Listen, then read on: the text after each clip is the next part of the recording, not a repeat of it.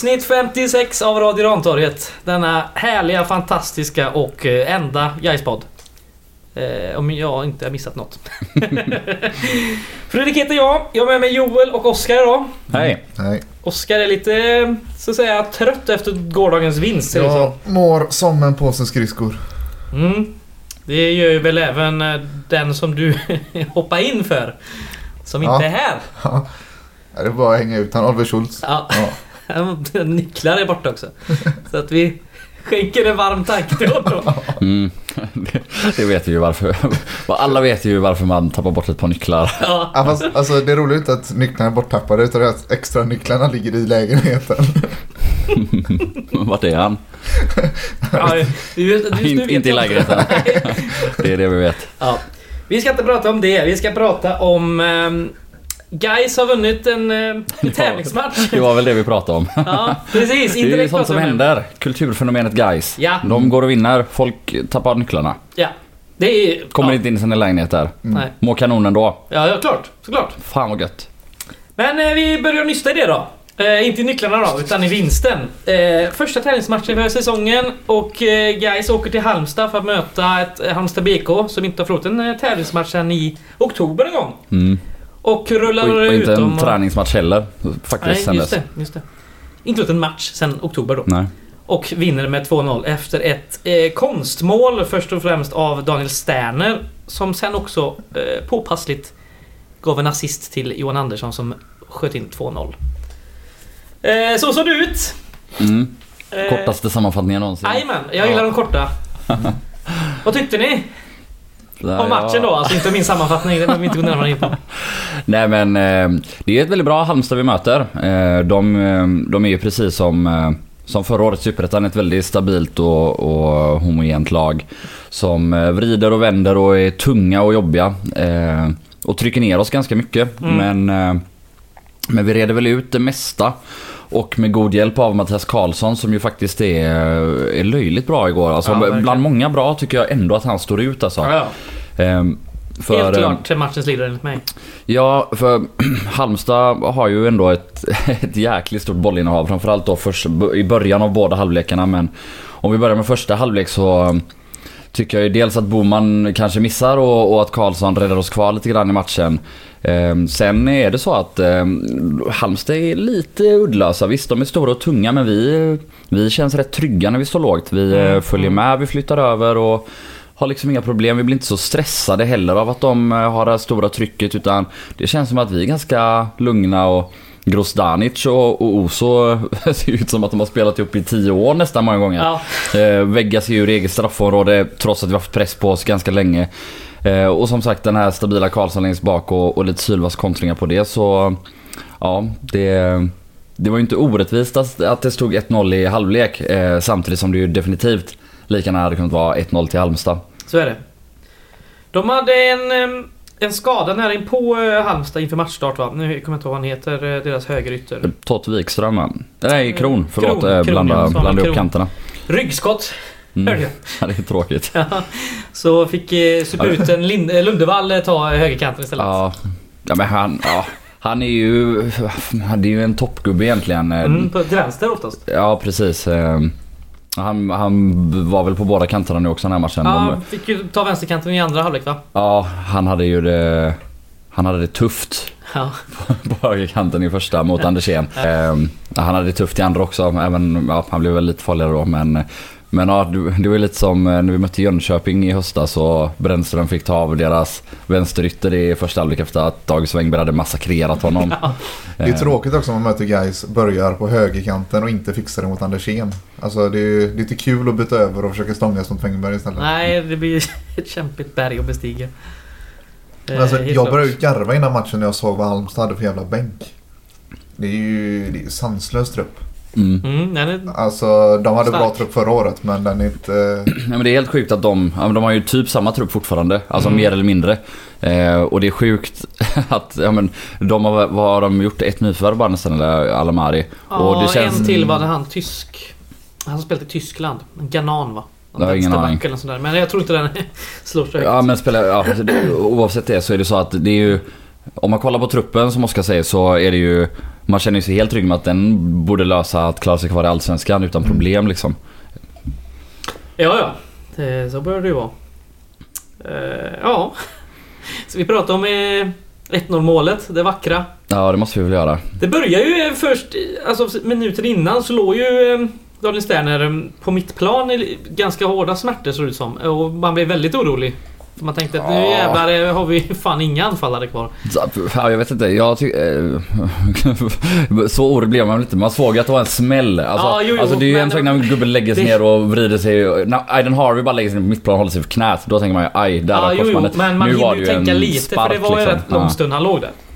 Ja, ja men i alla fall eh, så, ja, det är, jag vet inte om det är extra imponerande att, jag tycker att det är så pass imponerande i sig bara att dra in en bicyklet i sin tävlingsdebut så. Så är det. Jag struntar i den här skadan före.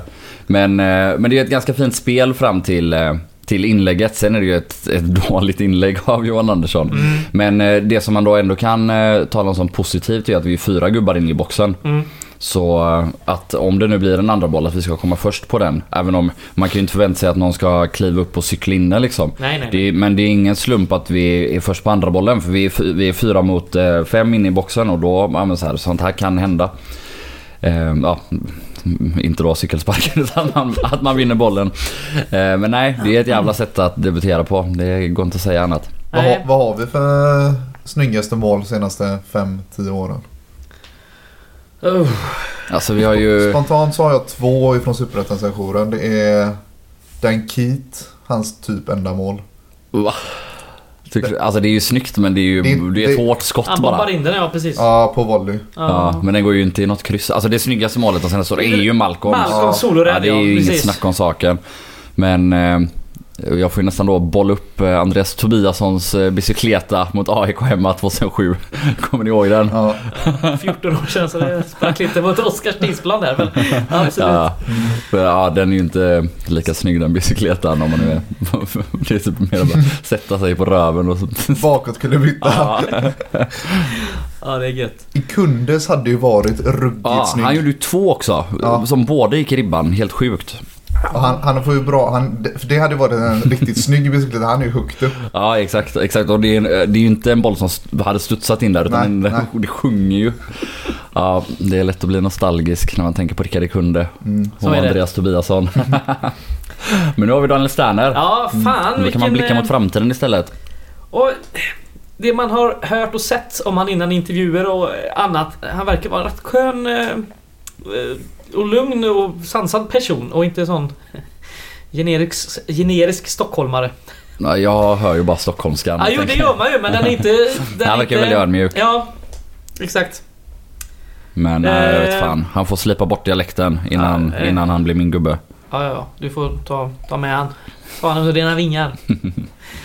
ehm, ska vi... eh, Ja, sen blir det ju halvlekspaus lite senare. Och eh, i eh, andra halvlek så gör han ju också dessutom eh, assist till eh, Johan Andersson som näm- nämndes förut här. Minuten vet jag inte men det var runt 50 va? Ja, något sånt va? tidigt. Jag tror det är 56 eller något. eh, Lite... Ja. Men ja, det är ju, det är ju fint igen och alltså jag tycker om man bortser då, eller bortser om, om man in, inte bara tänker på målet och assisten så har han ju väldigt många fina aktioner där han lyckas vända upp och komma rättvänd och det är det som tidigare har sett lite otajmat ut och lite dålig första touch och sånt eh, på träningar och träningsmatcher såg ju helt plötsligt ja, men ganska mycket bättre ut. Och, Mm. Eh, ofta rätt beslut, han jobbar hårt. Var, han drog väl på sig fem frisparkar i första halvlek nästan. Och, ja, men blir förbannad på Andreas Johansson för att han slänger sig och blir tillsagd av domaren. Eh, ja, det är mycket, mycket bra av Sterner, det får Mm. man verkligen säga. Sen, eh, ja. Mindre bra av Andreas Johansson. Apropå Ja, Det var inte hans eh, roligaste match i karriären. nej det var det inte. Det var Nej. jävla gnälligt Halmstad överlag. ja. Men det känns ju helt i linje med den truppen också. Och den tränaren. Den tränaren. Herregud. Uh, Läste ni, vad heter det, Hallandsnyheter? där han Hallandsposten va? Hallandsposten. Ja, jag kommer inte ihåg vilken det var. Det kanske var Hallands nyheter. Ja, Eh, ja. där Eh, han eh, på vanlig Magnus Haglund-manér ja, berättar om... eh, allt. De har ju inte kunnat träna på full plan och det har ju varit kallt. Eh, Det var kallt överallt för helvete Magnus. ja, ja, det är härligt. Ja, det är gött. Halmstad känns lite som, eh, jag får lite så här feeling Norrby fast bra.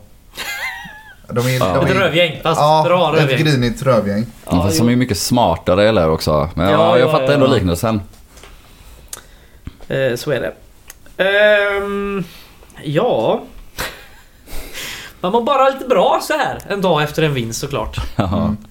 Ja, nej men det finns väl också jättemycket mer eh, bra saker att ta med sig. Vi nämnde ju eh, Grostanic och Oso Mm. som ju ser eh, stabila ut. Och framförallt var det kul då att nu då får de ju brottas och kampa med Boman och Karim. Det är två Ja. stabila jävla pjäser och de Verkligen. löser det oftast. Alltså, mm, ja, de vinner inte varje duell på något sätt men de löser det ändå ofta och framförallt eh, Grostanic fortsätter ju att eh, imponera med sin uppspel. Och om Grostanic ska vara så här bra i år, då är, ju, då är han ju nästan på samma nivå som Charlie Weber med uppspelen. Men definitivt bättre och inte lika non- nonchalant defensivt. Mm. Och då har vi faktiskt gjort ett uppköp där. Dessutom med en gubbe som har kontrakt med oss Ja, två år vilket man inte såg på förhand. Nej, det är Så att det är verkligen ju inte. en rolig överraskning såklart. Verkligen inte. Och framförallt eh, Ja, men den här snea diagonala bollen där han hittar upp Åberg eh, Mm. gång på gång som vi har sett under försäsongen såg vi igår också mot bra motstånd. Eh, Åberg var bra. Ja, jo, men hela våran backlinje var väldigt bra. Andersén visar ju också att det, är det, det, blir, det blir huvudbry för Stefan när han ska formera den vänsterkanten. Mm. Ja, fy fan. Herregud alltså. Eh, han gjorde en riktigt stabil insats. Eh, Mm. Det får man lugnt säga.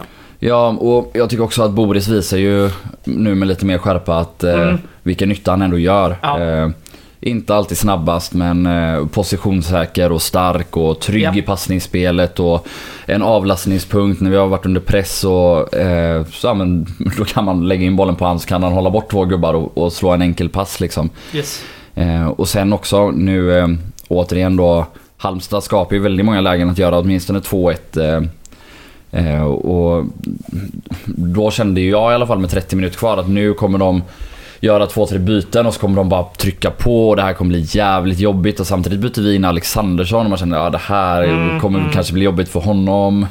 eh, och istället så spelar vi av sista 30 och skapar kanske till och med fler chanser än dem. Ja, Eh, både Alexandersson och, och eh, Julius Johansson gör ju kanoninhopp. verkligen. Eh, och Alexandersson bör väl faktiskt göra mål där på passen från Julius.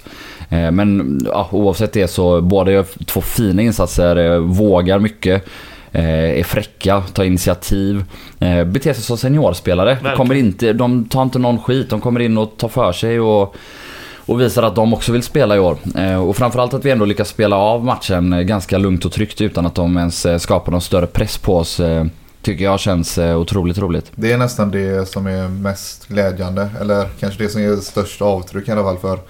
Att eh, göra ett konstmål och kontra in en boll på Halmstad. Det är inte, det är inte omöjligt liksom. Det, det gör man någon gång utav tio. Men att sen kunna spela av det så pass Mm. säkert. Det Så aldrig oroligt, eh, ro, Väldigt oroligt ut heller riktigt. Mm. Nej, och en grej till man ska säga, Adnan har väl eh, två eller nästan tre bra lägen in i boxen att avsluta. Och det är bara att konstatera att han är ingen forward. Nej, Sen, han, gör ju det, han jobbar hårt och eh, gör ju nytta där med. ja, ja, men men, eh, men, det är ingen naturlig det avslutare är inte direkt. den där eh, kliniskheten som behövs kanske. Nej. Ehm, vi hade lite byten, vi kanske kan ta dem. Ehm, Malcolm Mensa byter av eh, Johan Andersson eh, samtidigt som Julius Johansson byter av eh, Julius Lindberg. Och då tar eh, eh, Julius Johansson tar Johan Anderssons eh, högerkant medan Malcolm tar vänsterytterpositionen. Mm. Och spelar där i en eh, 20-25 minuter. Uh, har vi något att säga om det? Det var inte... Han, ja, han har pratat om det innan att han inte... vill- Han vill helst spela vänsterback. Han blev ju nedflyttad också när Andersén blev Ja, utbytt. men det var ju sista 10 minuterna. Så Ja, att, eh, han han- spelat han ungefär spelar en 25, kvart. ja. Ja. ja, precis. Det, det som är då apropå att det är svårt att eh, hur man ska formera den vänsterkanten är ju att oavsett lite vem du startar med så har man ju alternativ nu Mm, att mm. förskjuta den kanten framåt eller bakåt i banan Mm. beroende på hur matchen ser ut. Ja. Precis.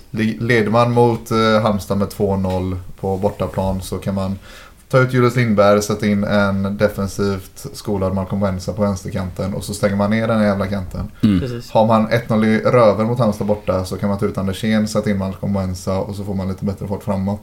Exakt.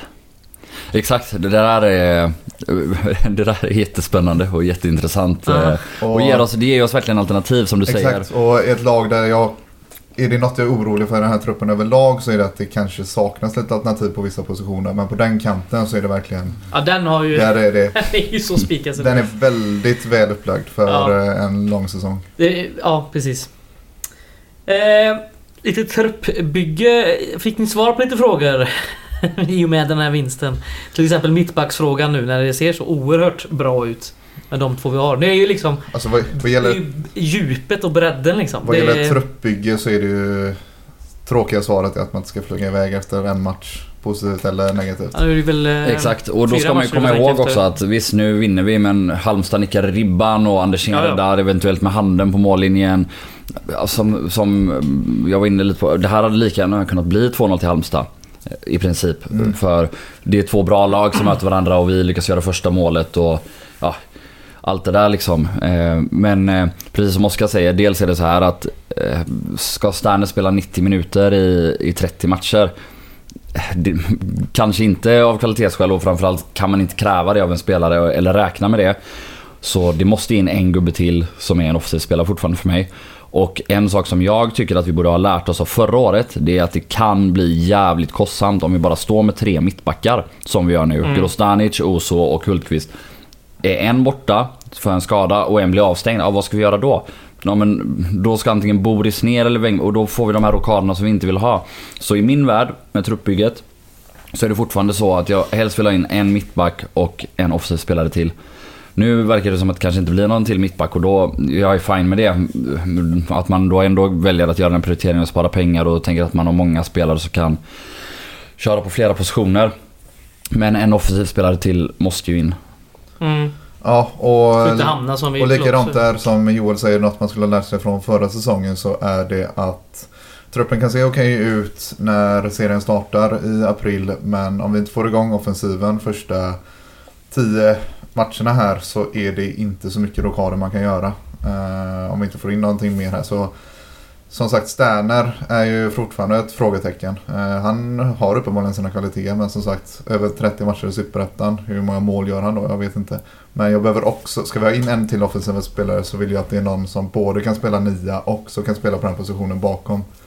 För där har vi också, alltså som sagt, eh, Viktor Alexandersson kommer in och gör det bra igår. Eh, Men det är inte heller en gubbe som man kan lägga jättemycket ansvar på den här säsongen.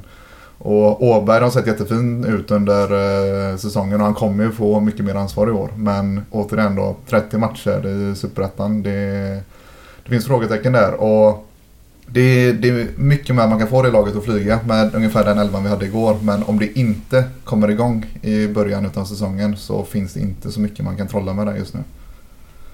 Nej, speciellt inte när man... Eh, när det handlar om den här nummer 9 positionen. Det är ju liksom... Det är ju Adnan Maric och det är liksom eh, Viktor Alexandersson som på något sätt ska fylla luckorna. Att Viktor Alexandersson fyller luckan av Adnan Maric som går upp. Mm. Och det är väl där problemet ligger. Det behöver finnas Men det är också, någon, någon Ja. nummer 9-spelare här enkelt. för i mina ögon Mm. så det är ett alldeles för dåligt första alternativ när Sterner inte fungerar. Att vi ska ta våran bästa spelare och lyfta Mm. bort honom från sin Ja, ja. naturliga Exakt. position. Det är de Det, det kan vara ett tredje eller fjärde alternativ någon gång under säsongen men vi kan inte ha det som första reaktion så fort Sterner har två dåliga matcher liksom. Nej. Det, det håller inte. Nej, så är det. Så för att sammanfatta det här. In my opinion så skulle jag vilja en spets på topp. Alltså en gubbe som går in och kanske startar som forward. Och bredd på mittbacken. Alltså Ja.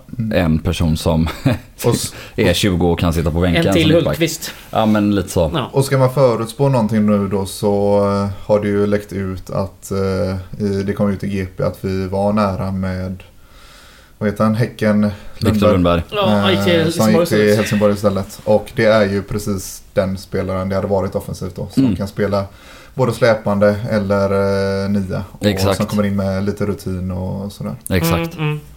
Så det verkar ju som att man är sugen på den typen av spelare. Mm. Mm. Vilket känns helt, rimligt. rätt och Ja, rimligt. så är det. Så är det. Men eh, vi kanske fick, eh, skiftar fokus då, eller in, kanske inte stannar kvar på denna bollen med tanke på fredagens nyhet att eh, Guys inte väljer att förlänga med eh, Mervan Selik. Mm. Så ska vi ta och diskutera lite om det, tänker jag. Eh, tankar, först och främst. Vad kände ni när det kom ut i fredags? Jag vet inte, jag kände väl inte jättemycket just när det kom ut. För det var väl inte jätteoväntat vid det laget. Nej, nej. Det hade man väl på känn så Ja, sätt, med tanke på hur det varit. men, Men, det är ju eh, ändå ett beslut som... Men känslor över, eh, över det sett över tid är att jag är rätt vansinnig på det faktiskt. Jag tycker det är riktigt håll i huvudet. Och det finns ju flera aspekter utav det. Det finns det sportsliga och så finns det vad Mervan är som, eh, som person och vad han betyder för, för guys. Eh, och sen finns det ju dels har det väl funnits en del kritik mot hur det kommunicerades. Så det är väl lite tre håll där. Det sportsliga är ju som sagt också svårt att säga någonting om innan truppen är satt. Eh, det, hur, det, hur det beslutet är rent sportsligt beror ju på vem man tar in istället. För som sagt, vi antar att det kommer in en spelare där. Mm. Men eh, ska det vara försvarbart så får det vara en ruggig värvning vi tar in i mina ögon. Och det tror jag inte att vi löser, tyvärr. Ja. Ja, och jag blev väl mest ledsen, eller typ sådär lite trött och uppgiven faktiskt. Eh, Nej men ja, för det var ju inte oväntat att det inte blev någonting. Eh, Och då, det finns ju som, som Oskar också säger då, många olika perspektiv på det här. Jag med min ringa fotbollskunskap tycker ju ändå att han är så pass bra att vi borde liksom ta en sån spelare. Om, om en så bra spelare vill spela för oss så borde vi ta honom och eh, ja, men, lösa vad det nu är som gör att man inte vill ha honom eller eh, klara det. Men det är typ, alltså den biten är jag ändå fine med att sportråd och tränare tycker något annat än mig. Jag litar fullkomligt på att de Ja, kan mycket mer om, om fotboll än mig liksom. Eh, verkligen. Eh, jag tycker också att de har visat det, eh, alltså sen sportråd och nuvarande tränarkonstellation kom. Att det är ändå en, en rätt tydlig kurva uppåt redan förra säsongen och den verkar fortsätta i år. Eh, Så ja, jag har fortfarande fullt förtroende för de här. Men eh, sen är det väldigt tråkigt att man eh, ja, att man inte ger det beskedet i december då till en person som jag ändå kanske tycker förtjänar det. eh, Mm. Med tanke på vilken ikon han är i klubben. Eh, Och ehm, ja, det är väl mest det egentligen då. Alltså kommunikationen gentemot honom och att man då kunde gjort ett snyggare avsked helt enkelt. Eh, Som är ja, som jag kan tycka är, är fel och dåligt. Mm. Eh, och ur hur klubben ska agera. Sen om jag hade varit sportchef hade jag ju signat honom. Men det är, jag, det är jag helt fine med att jag inte är bra nog att kunna säga om det var fel eller dåligt. För det är uppenbarligen så att eh, man tycker kanske att det inte är att han inte har tillräckligt bra attityd och tillför tillräckligt mycket sett till vilken status och vilken lön han kräver i gengäld. Ehm, Mm. och ehm, då är det väl så liksom. Man ska väl säga det, eh, och jag tycker inte att det försvarar någonting men eh, vad vi har förstått så har ju Mervan blivit meddelad i december att han eh, inte var en prioriterad spelare inför säsongen. Och att därefter har man haft löpande kommunikation men man har inte tagit något direkt beslut, ja eller nej, förrän nu Mm. i fredags då. Mm, precis. En ytterligare dimension man ändå får säga också är väl att på ett sätt så är det så här att när vi signade Mervan för ett år sedan då ville Guy skriva tvåårskontrakt Ja. Mm. och Mervan vill ha ett år. Mm.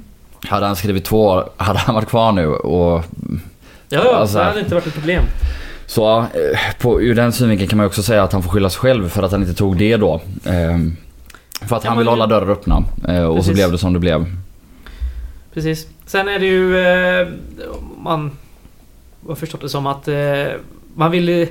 När man värvar en, en person i den åldern och som kanske ska ta en lite större ledarroll och det kanske inte riktigt är det som eh, man får. Eh, då blir det väl... Eh, ja, det är väldigt många parametrar som vävs in här tydligen. Och det har kommit en jävla massa spekulationer på både eh, internet och GP och allt annat. Och jag har väl landat i att eh, det är ju jävligt ont i fredags när man fick reda på detta. Jag, det förtjänar mycket bättre avslut än det där. Mm. De där korta raderna på en fredags eftermiddag på nätet. Eh, så det, det jag är mest förbannad över är den här kommunikationen inte varken är bättre eller eh, ger mer. Mm. Vi Och Man behöver, pratat... inte- man behöver inte säga så mycket heller men man kan göra det fan Nej. mycket snyggare bara. Ja, det, vi har pratat rätt mycket om det där du och jag. Ja. Eh, Vi håller väl inte riktigt med varandra egentligen. Jag tycker inte att det har varit ett sånt haveri som du tycker men eh, jag har också påpekat att det kunde ha gjorts bättre Haveri och snyggare. haveri, det är... Det är för lite tycker jag bara. Mm. Och eh, sen, ja, Mervan vill inte uttala sig på klubbens egna hemsida vilket väl är förståeligt. Ehm, Så det, ja, det är, det är en svår eh, sits kommunikationsmässigt också. Mm. Nej, och sen är det så här. Det är en sak som jag verkligen typ gillar med det här. Det är ju hur eh, alltså Sportrådet eh, fjäskar ju inte för Nej. supportrar. Värvar Jarsuvat, skickar Mervan. Så här Alltså, Malcolm. Ja, men där är det väl ändå lite delat vad folk Ja. tycker. Jo, eller? Det är absolut, men det skitsamma, väl, eh, men, men att plocka in den person som eh, som öppet har twittrat om att han hatar guys eller att han önskar att ÖIS Ja, vinner ja. derbyn och springer eh, Mm. 40 meter för att peka finger och med båda fingrarna åt klacken och sånt. Att plocka in den gubben och sen skicka våran största stjärna ett år senare. Det, det är inget Det är fjäskande. Och Nej, jag och gillar det- det. Alltså, för det betyder att det finns någon sorts professionalitet och en eh, solid jävla tro på det man gör. Att det här är det bästa för föreningen. Mm. Eh, Så även om jag tycker att båda de här besluten har varit fel så gillar jag att de har gjort dem för att de har fler överväganden än, än mina känslor som supportrar. Sen finns ju såklart en gräns också för vad man kan Ja, göra det är ju och det är vad man tar liksom. Exakt, det är ju och, en linje som är, den är svårbalanserad. Men man måste ju någonstans förhålla sig till den också när man Mm. sitter i de positionerna som de gör. mm, Men eh, man tar lite större helhets, helhetsperspektiv och kollar på den stora strategin de har bankat upp för det här laget så eh, är det ju helt i linje på något sätt. Mm. Men alltså, och, och, eh, som- ja, som Joel är inne på nu så sätter man ju sig i en...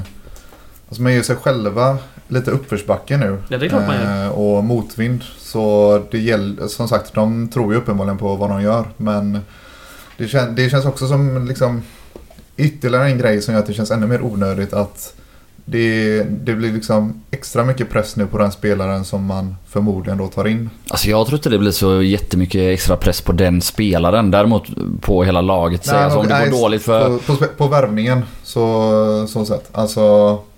Ja, alltså jag, jag, ja, jag vet inte. Kanske. Jag tror inte... Jag tror att det...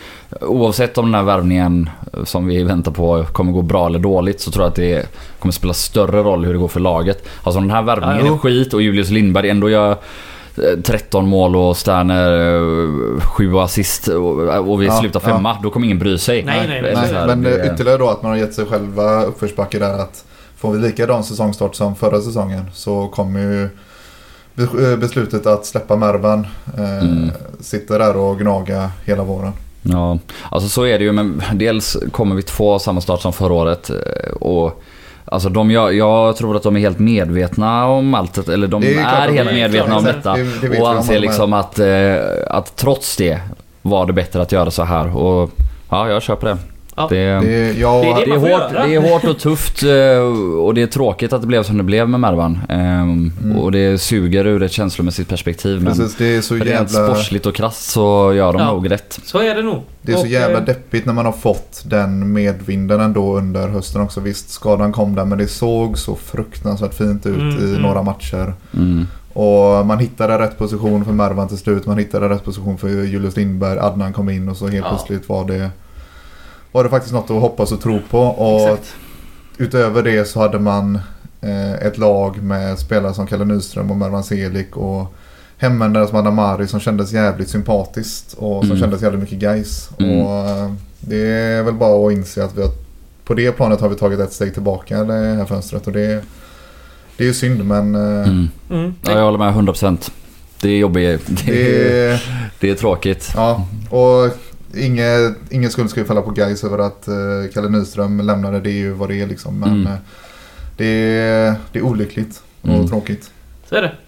Men förhoppningsvis så kan det leda till något bra. Det långsiktiga. Mm. Men eh, på tal om Adnan Maric eh, var ju även kapten eh, matchen till er igår. Mm. Eh, är det något vi kommer... Eh, är det första valet nu framöver i säsongen tror vi? Det har han väl sagt i GP, Stefan Jakobsson, att det inte nödvändigtvis är. Han har sagt att han inte har bestämt sig. Nej, jag frågar om vi tror det. Jaha. Ehm, jag tror nog inte det. Min eh, gissning faller nog ändå på Boris. Ja, jag har ju också gissat på Boris Mm. innan här. Så jag får väl stå fast vid det. Men det är... Men det är, det är hårfint. Jag, jag har jättesvårt att säga vem jag tror det kommer bli. Men Men det är också det... Ja, jag vet inte. mitt val är nog eh, Adnan. Om jag hade bestämt. Men eh, Mm. jag tror att det blir Boris. Däremot då så ska man ska jag flika in att om det känns som att vi att det saknas lite, ska jag säga, guys ikoner i det här laget just nu så känns det som att det finns rätt mycket fina ledartyper på planen. Mm. Eh, Det känns som att vi inte har haft jätteväl ställt med det alla säsonger de senaste åren. Men nu är det faktiskt, eh, börjar bli lite mer kontinuitet. Det är lite Mm. fler år i klubben i startelvan och det är flera riktigt goda ledartyper på planen. Så där känns det som att det har det ganska väl ställt och jag är inte särskilt orolig eller bekymrad över vem som ska vara lagkapten. Nej, Nej. inte jag heller. Det det är inte liksom en situation där vi tar in Steven Old och ger han bilden eh, direkt och så säger kör. Exakt. Det är, det, är, det är Det faktiskt är en, jävligt långt från det. Ja, det är jävligt det är- långt från det. det är en- och det är skönt. Ja, det är precis. skönt. Det är en rätt stor skillnad mot tidigare som sagt. Mm. Nej men det är väl också, det är, jag håller med om typ allt du sa. Eh, och det känns också lite som, det spelar inte jättestor roll om Boris, Adnan eller Wängberg får kaptensbindeln eller... Eller Mattias Karlsson eller vem du kan bli. Ja, ja men exakt. Det känns som att eh, det kommer inte göra jättestor skillnad för att alla de kommer ändå fortsätta driva det här laget och Ja, leda exakt. det här laget tillsammans i mångt och mycket så... Ladan ska väl in i den eh, diskussionen också. Och lite som Kalle Nyström var inne på eh, när han pratade om när han blev av med binden eh, till Marcus Bergholt. Så liksom Kalle Nyström är ju den spelaren och den personen han är oavsett om han har en bindel på armen. Liksom. Och det, Mm. Det tror jag Alla är ju dock inte så. Eh, Nej, nu, Nej, ska vi, men jag nu ska vi inte är ta inte- binden ifrån Nej. någon så det, vi kommer inte hamna i exakt den situationen men Men, Men vissa växer ju mycket Ja. av det och vissa kanske Det- känner press av det. Som Bergholtz pallade väl inte att vara kapten till exempel. Sen är inte alla lika ödmjuka som du säger som Kalle Nyström. Nej. Och det, det som du refererar till där, det är alltså intervjun på 11mars.se. mm, snyggt. kan man få Mm. med det. En annan intressant eh, sak som eh, Stefan väl bollade upp i GP var ju faktiskt att han nämnde Emin Grostanic namn eh, Mm. när han Mm, pratade om mm. kapten. Eh, också kul Mm. att höra. Eh, Pansar. Pansar. Ja. det, är så, ja, det är så jävla roligt smeknamn alltså. det är Det är fantastiskt. Osa gladiatorerna om det. Jajamän. Ja, och, och det, det ska man ju säga också att när vi har då blivit av med Mervan Selik och Kalle Nyström så känns det extra kul att Grostanic ser så fin ut som han gör. Mm. Och eh, faktiskt verkar ha hittat, ha hittat rätt i den här mittbackspositionen och Ja. förhoppningsvis kan få rätt många starter i år. Jävligt Mm. kul. Det är Ja, egna gubbe. Och, ett, och ett långt kontrakt dessutom. Jajamän. Ja, jag är ju extra nöjd. Han har ju alltid, sen en försäsongsträning 2017, eh, varit min gubbe när han dök upp i minus och shorts. Det är jag och Landrin som alltid har Ja. hejat på Grosse extra mycket. Ja. Eh, Pallar den eh, kylan. ja, det är hårt. Det ska inte vara för kallt andra. bara för då Ja, gör man en. Hultqvist. Ja, precis. Det eh, ville väl väl, men... Mm. Nej men det är väl en sak, om man är uppe på lite träningar också. Han är ju en person som ändå tar en del plats och vågar säga till. Så, jag vet inte. Det på ett sätt är det, känns det inte jätteförvånande när man väl får höra det att man Att kan han är med. Ja, Mm. precis. Men ändå eftersom han har känts, han har ju inte känts som en självklar startspelare någon gång i sin gais karriär egentligen. Nej. Förrän kanske nu och då det är ingen man direkt bollar upp som kapten.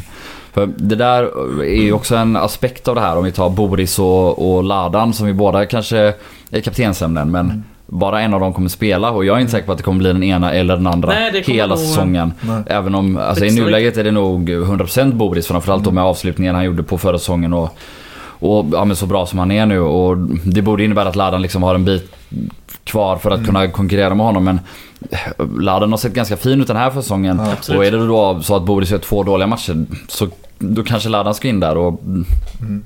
Ja. Och, å, återigen då som vi pratar om med vänsterkanten så är det ju väldigt, två väldigt olika spelare vi har och kunna laborera Så med. är det. Så Exakt, beroende exakt. på match och motstånd och så vidare. Så Och det är ju också skönt såklart. det, att och det, ha den det är faktiskt bredden. rätt sjukt. Det känns som ett sparkapital var kvar från förra säsongen att vi inte Mm. fick igång Ladan. Mm. Och ändå fick då nu eh, hösten efter att Mervan skadade sig såg så där ut. Men vi hade ju en del riktigt fina matcher igår, eh, förra året. Egentligen helt utan Ladan. Han eh, kom inte upp på den nivån som man hoppades. Så kan vi få igång han eh, i år så är det... Ja, frågan är vart han ska in bara i det här laget för det är, Det är ju det. trångt på innermittfältet. Det Det är riktigt trångt. Men, eh, ja, jag vet inte. Det, det är också en intressant aspekt som du tar upp. eh, Det här att man skulle kunna starta med olika spelare mot olika motstånd för att få olika typer av matchbilder. Men det känns inte som att Stefan är en sån coach som gör så mycket sånt. Eh, Nej. Han ändrar en hel del spelsystem och en del positionsbyten i matcher med sina byten. Men det känns ändå som att vi nästan... Alltså vi går ut till de flesta matcher med ungefär samma approach. Alltså, Mm, mm. Några gånger förra året när vi var som värst så gick vi ner på en fembackslinje Ja. och, och det, jag kommer ihåg det. Men... eh, Men det kan också vara en sån grej då om vi... Eh, om det liksom står still några matcher. Att Mm. eh, Ja, absolut. Att snar, snarare att man anpassar sig om man, om man möter Akropolis eller om man möter Värnamo. Mm. Eller vad det är för kvalitet på motstånd och så vidare. Och så Mm, vidare. Att man kan... Det finns eh, laboreringar att göra när eh, saker och ting börjar hacka. Ja men exakt, är- exakt. Exakt, det känns som att det är ett, om Gais hackar i tre matcher, då byter vi. Men vi Exakt. byter inte för att Akropolis är en sorts motstånd och ÖIS ett annat. Ja. Nej men precis. Och eh, det kändes som det saknades rätt mycket under förra våren. Att vi hade inte så mycket vi- alternativ. Framförallt offensivt var det ju tufft. Liksom. Vi hade inte så mycket vi kunde snurra på där framme. Nej. Nu har ju den här eh, spelartruppen en ganska bra bredd på ganska många positioner. Eh, men som vi nämnde lite tidigare det, det är ett par nyckelroller som Mm. ser tunt ut. Men den Eh, är- Det kommer någonting. Men den är bättre balanserad än eh, den var bättre. i höstas. ja, under förutsättning att det kommer in ett Ja. offensivt namn Mm. såklart. Men Ja. annars så verkligen ja. Mm. Det är också så att vi har väl också hittat Ja men vi har hittat en eh, formation som nu passar Mm. nuvarande trupp och som Ja. nuvarande tränarkonstellation kan vara nöjd och, och glad Det, över. känns, det känns också som en tydligare startelva nu. Det känns... Eh, Ja, ja, det är några namn eh, kvar här och där men det känns som det Mm. är fler... Det är, det är fler som känns som klockrena startspelare.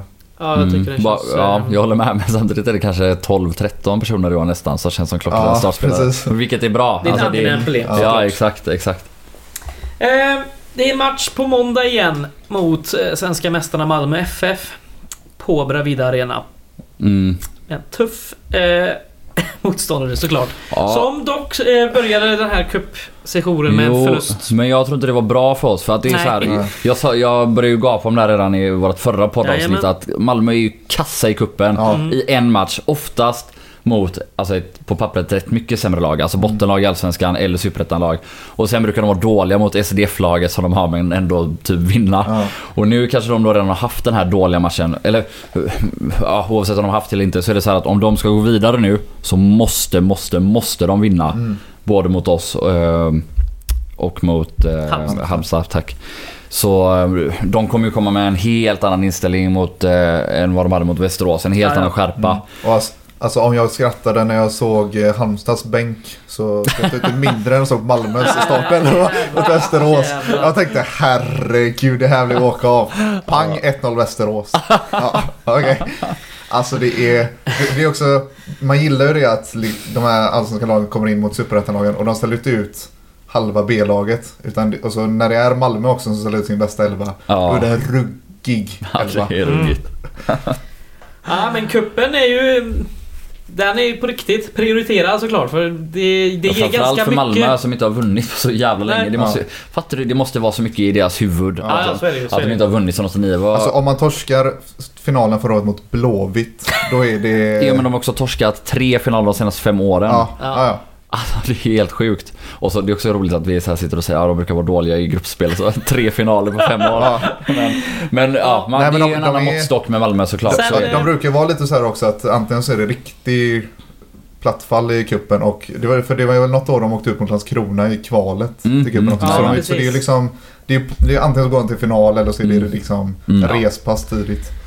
Sen är det ju det laget som kanske minst behöver eh, vinna cuper om man tänker så. För de är ju nästan alltid på Europaplatser och, och sådär. så sett ja. så sett, men de är ju, sett sagt- till vilka de är så är de det lag som Ja. borde vinna cupen mest av alla. Så är det ju. För att de inte har vunnit den sedan 89. Det är ju helt sjukt Och de att... har ju, de har ju med all rätt eh, jävligt hög svansföring i svensk fotboll de senaste tio åren. Liksom. Så Ja. det är klart att då ska man gå in och vinna cupen med jämna mellanrum. Ja exakt. Man ska göra det varannat Ja. tredje år. Alltså, De annars har är ju-. Ja, ja. De har ju den dyraste truppen varenda jävla år och det är ju den klubben som har absolut mest pengar i svensk fotboll. Ja. Så det finns ju inget att snacka om. Vad har han ställt upp med anfallet? Toivonen Antonsson. Mm. Ja, Och det är också kul för att alla i Malmö Okej. är ju helt överens om att eh, de måste värva en forward. ja precis. Och då så här... Vi har bara Daniel Sterner. Och de har Adinalic på bänken. Ja. Kul för oss. Ja. Berget spelade han. Var inte ja, jag tror han har en kant. Ja, men det är också en, en hyfsad anfallare liksom. Ja, ja men han är, Ja. jag tror han är lite så här sur för att han inte får spela anfallare. Ja, Och då ska jo, de värva ja. in en till anfallare. Ja, och så de, exakt. ja. Ja Mm. visst. Ja, det är skilda Så- världar. Ja, vi- om, om Grostanic och Oso fick kämpa med Mikael Boman så kommer de ju få eh, bekänna färg på måndag. Mm. Mm. Ja, så är det. Ja, men fan vi är inte chanslösa ändå Nej, alltså. Det är Verkligen inte. Vi kommer vinna. Ja, vi kommer vinna kuppen i år alltså. Jajamän. Ja. Europa League. Ja, kommer vi inte vinna, men ta oss till. Ja, precis. Möta Gibraltar-lag eller någon sån här pest på vägen. Fan vad gött alltså. Ja. Ja, Eh, det är ju rätt mycket pengar i eh, det där. Europa League. Så att eh, välkommet bidrag såklart. Det är bara att räkna in det nu. Jajamän. Worst det, case. det är så kul att det är första Europaresan sedan eh, 80-talet och du 91 tänker... va? Är det 91? Ah, Okej. 90, Ja. va? Moskva 90 väl? Eller 91? Skitsamma. Ja, Det 90 är eller någon- 91. Ja, skitsamma. lärde. Och Fredrik bara tänker på att ah, det är goda pengar in. Ja, det blir ju en jävla resa. Så tänk om det är fortfarande är pandemi när vi åker. Då blir det ju ett helvete. Ja, Skit i det. vi Vi får skjuta in ett sånt Först- worst case scenario som eh, Wallin alltid gjorde. Som, vi vi får budgetera med de här pengarna från Europa League nu. Når vi inte Europa League så bara Worst case scenario säljer vi bara Daniel Sterner till Djurgården för 35 miljoner. Inga problem. Andersson till Helsingborg. det där goa... Worst case scenario. Man är, ja, man är lite traumatiserad av det, den frasen sen Wallins tid. Worst case scenario så säljer den. Nej, nej, nej. Jajamän. Ja, Eh, det ska bli spännande i alla fall eh, på måndag så det är ju en hel vecka kvar man kan eh, leva som eh, eh, en cup- kung. Cupgruppledare. Mm. Fint! I cupgrupp 1. Ja, det var väl det. Ingen som har mer vi ska snacka om så kör vi kulturtips tänker jag. Mm. Då gör vi det. Jag har varit och käkat en hel del på restauranger sen tiden. Netflix igen. Ja, I så fall får jag väl tipsa om eh, en bok. Best movie ever made, så den är inte så jävla bra. Ja, kulturtips låter väl skittrevligt. Eh, jag kan väl börja. Eh, som vanligt så sitter jag här och våndas varje gång vi ska spela in för jag har inget komma med riktigt. Förutom igår eh, så kollade jag dock på lite SVT Play och hittade en god dokumentär som heter Chaplin och FBI. Nice. Som handlar om eh, Charlie Chaplin och dennes liv och hur eh, förföljd han var av FBI och J. Edgar Hoover. Mm. Denna bisarra man som det var. Eh, den var ganska trevlig. Mm. Och, eh, Väldigt rolig historia. Ja, alltså de förföljde ju typ alla på den tiden ja, ja. också. Eller ja, Mycket inte om bara på den tiden men... McCarthyismen och det där. Ja, Kommunisthatet och kommunistförföljelserna i Hollywood bland annat. ja, det är väldigt intressant. Väldigt, väldigt Mm. intressant fenomen. Mm. Hur, hur uppblåst det blev och så. Precis, så eh, vill man ha en liten inblick i det så kan man kolla på denna. Mm. Mm. Ja, jag har också kollat på SVT Play, denna fina, fina Ja, streamingtjänst. det.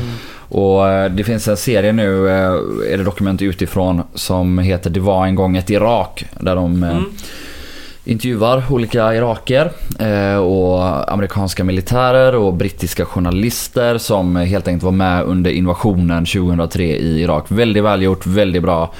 Eh, hur representativt det är för Iraks befolkning, de här irakerna de har valt ut, det är ju svårt att säga och det är väl en sak man alltid får ha med sig.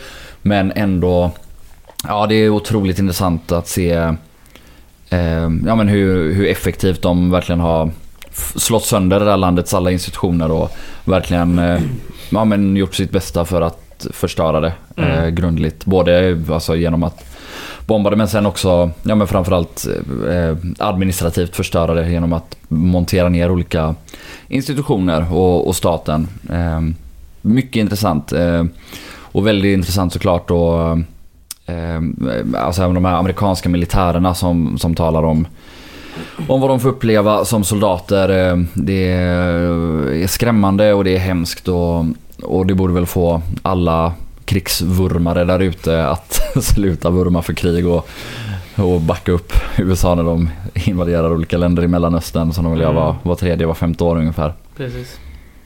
Intressant. Mm.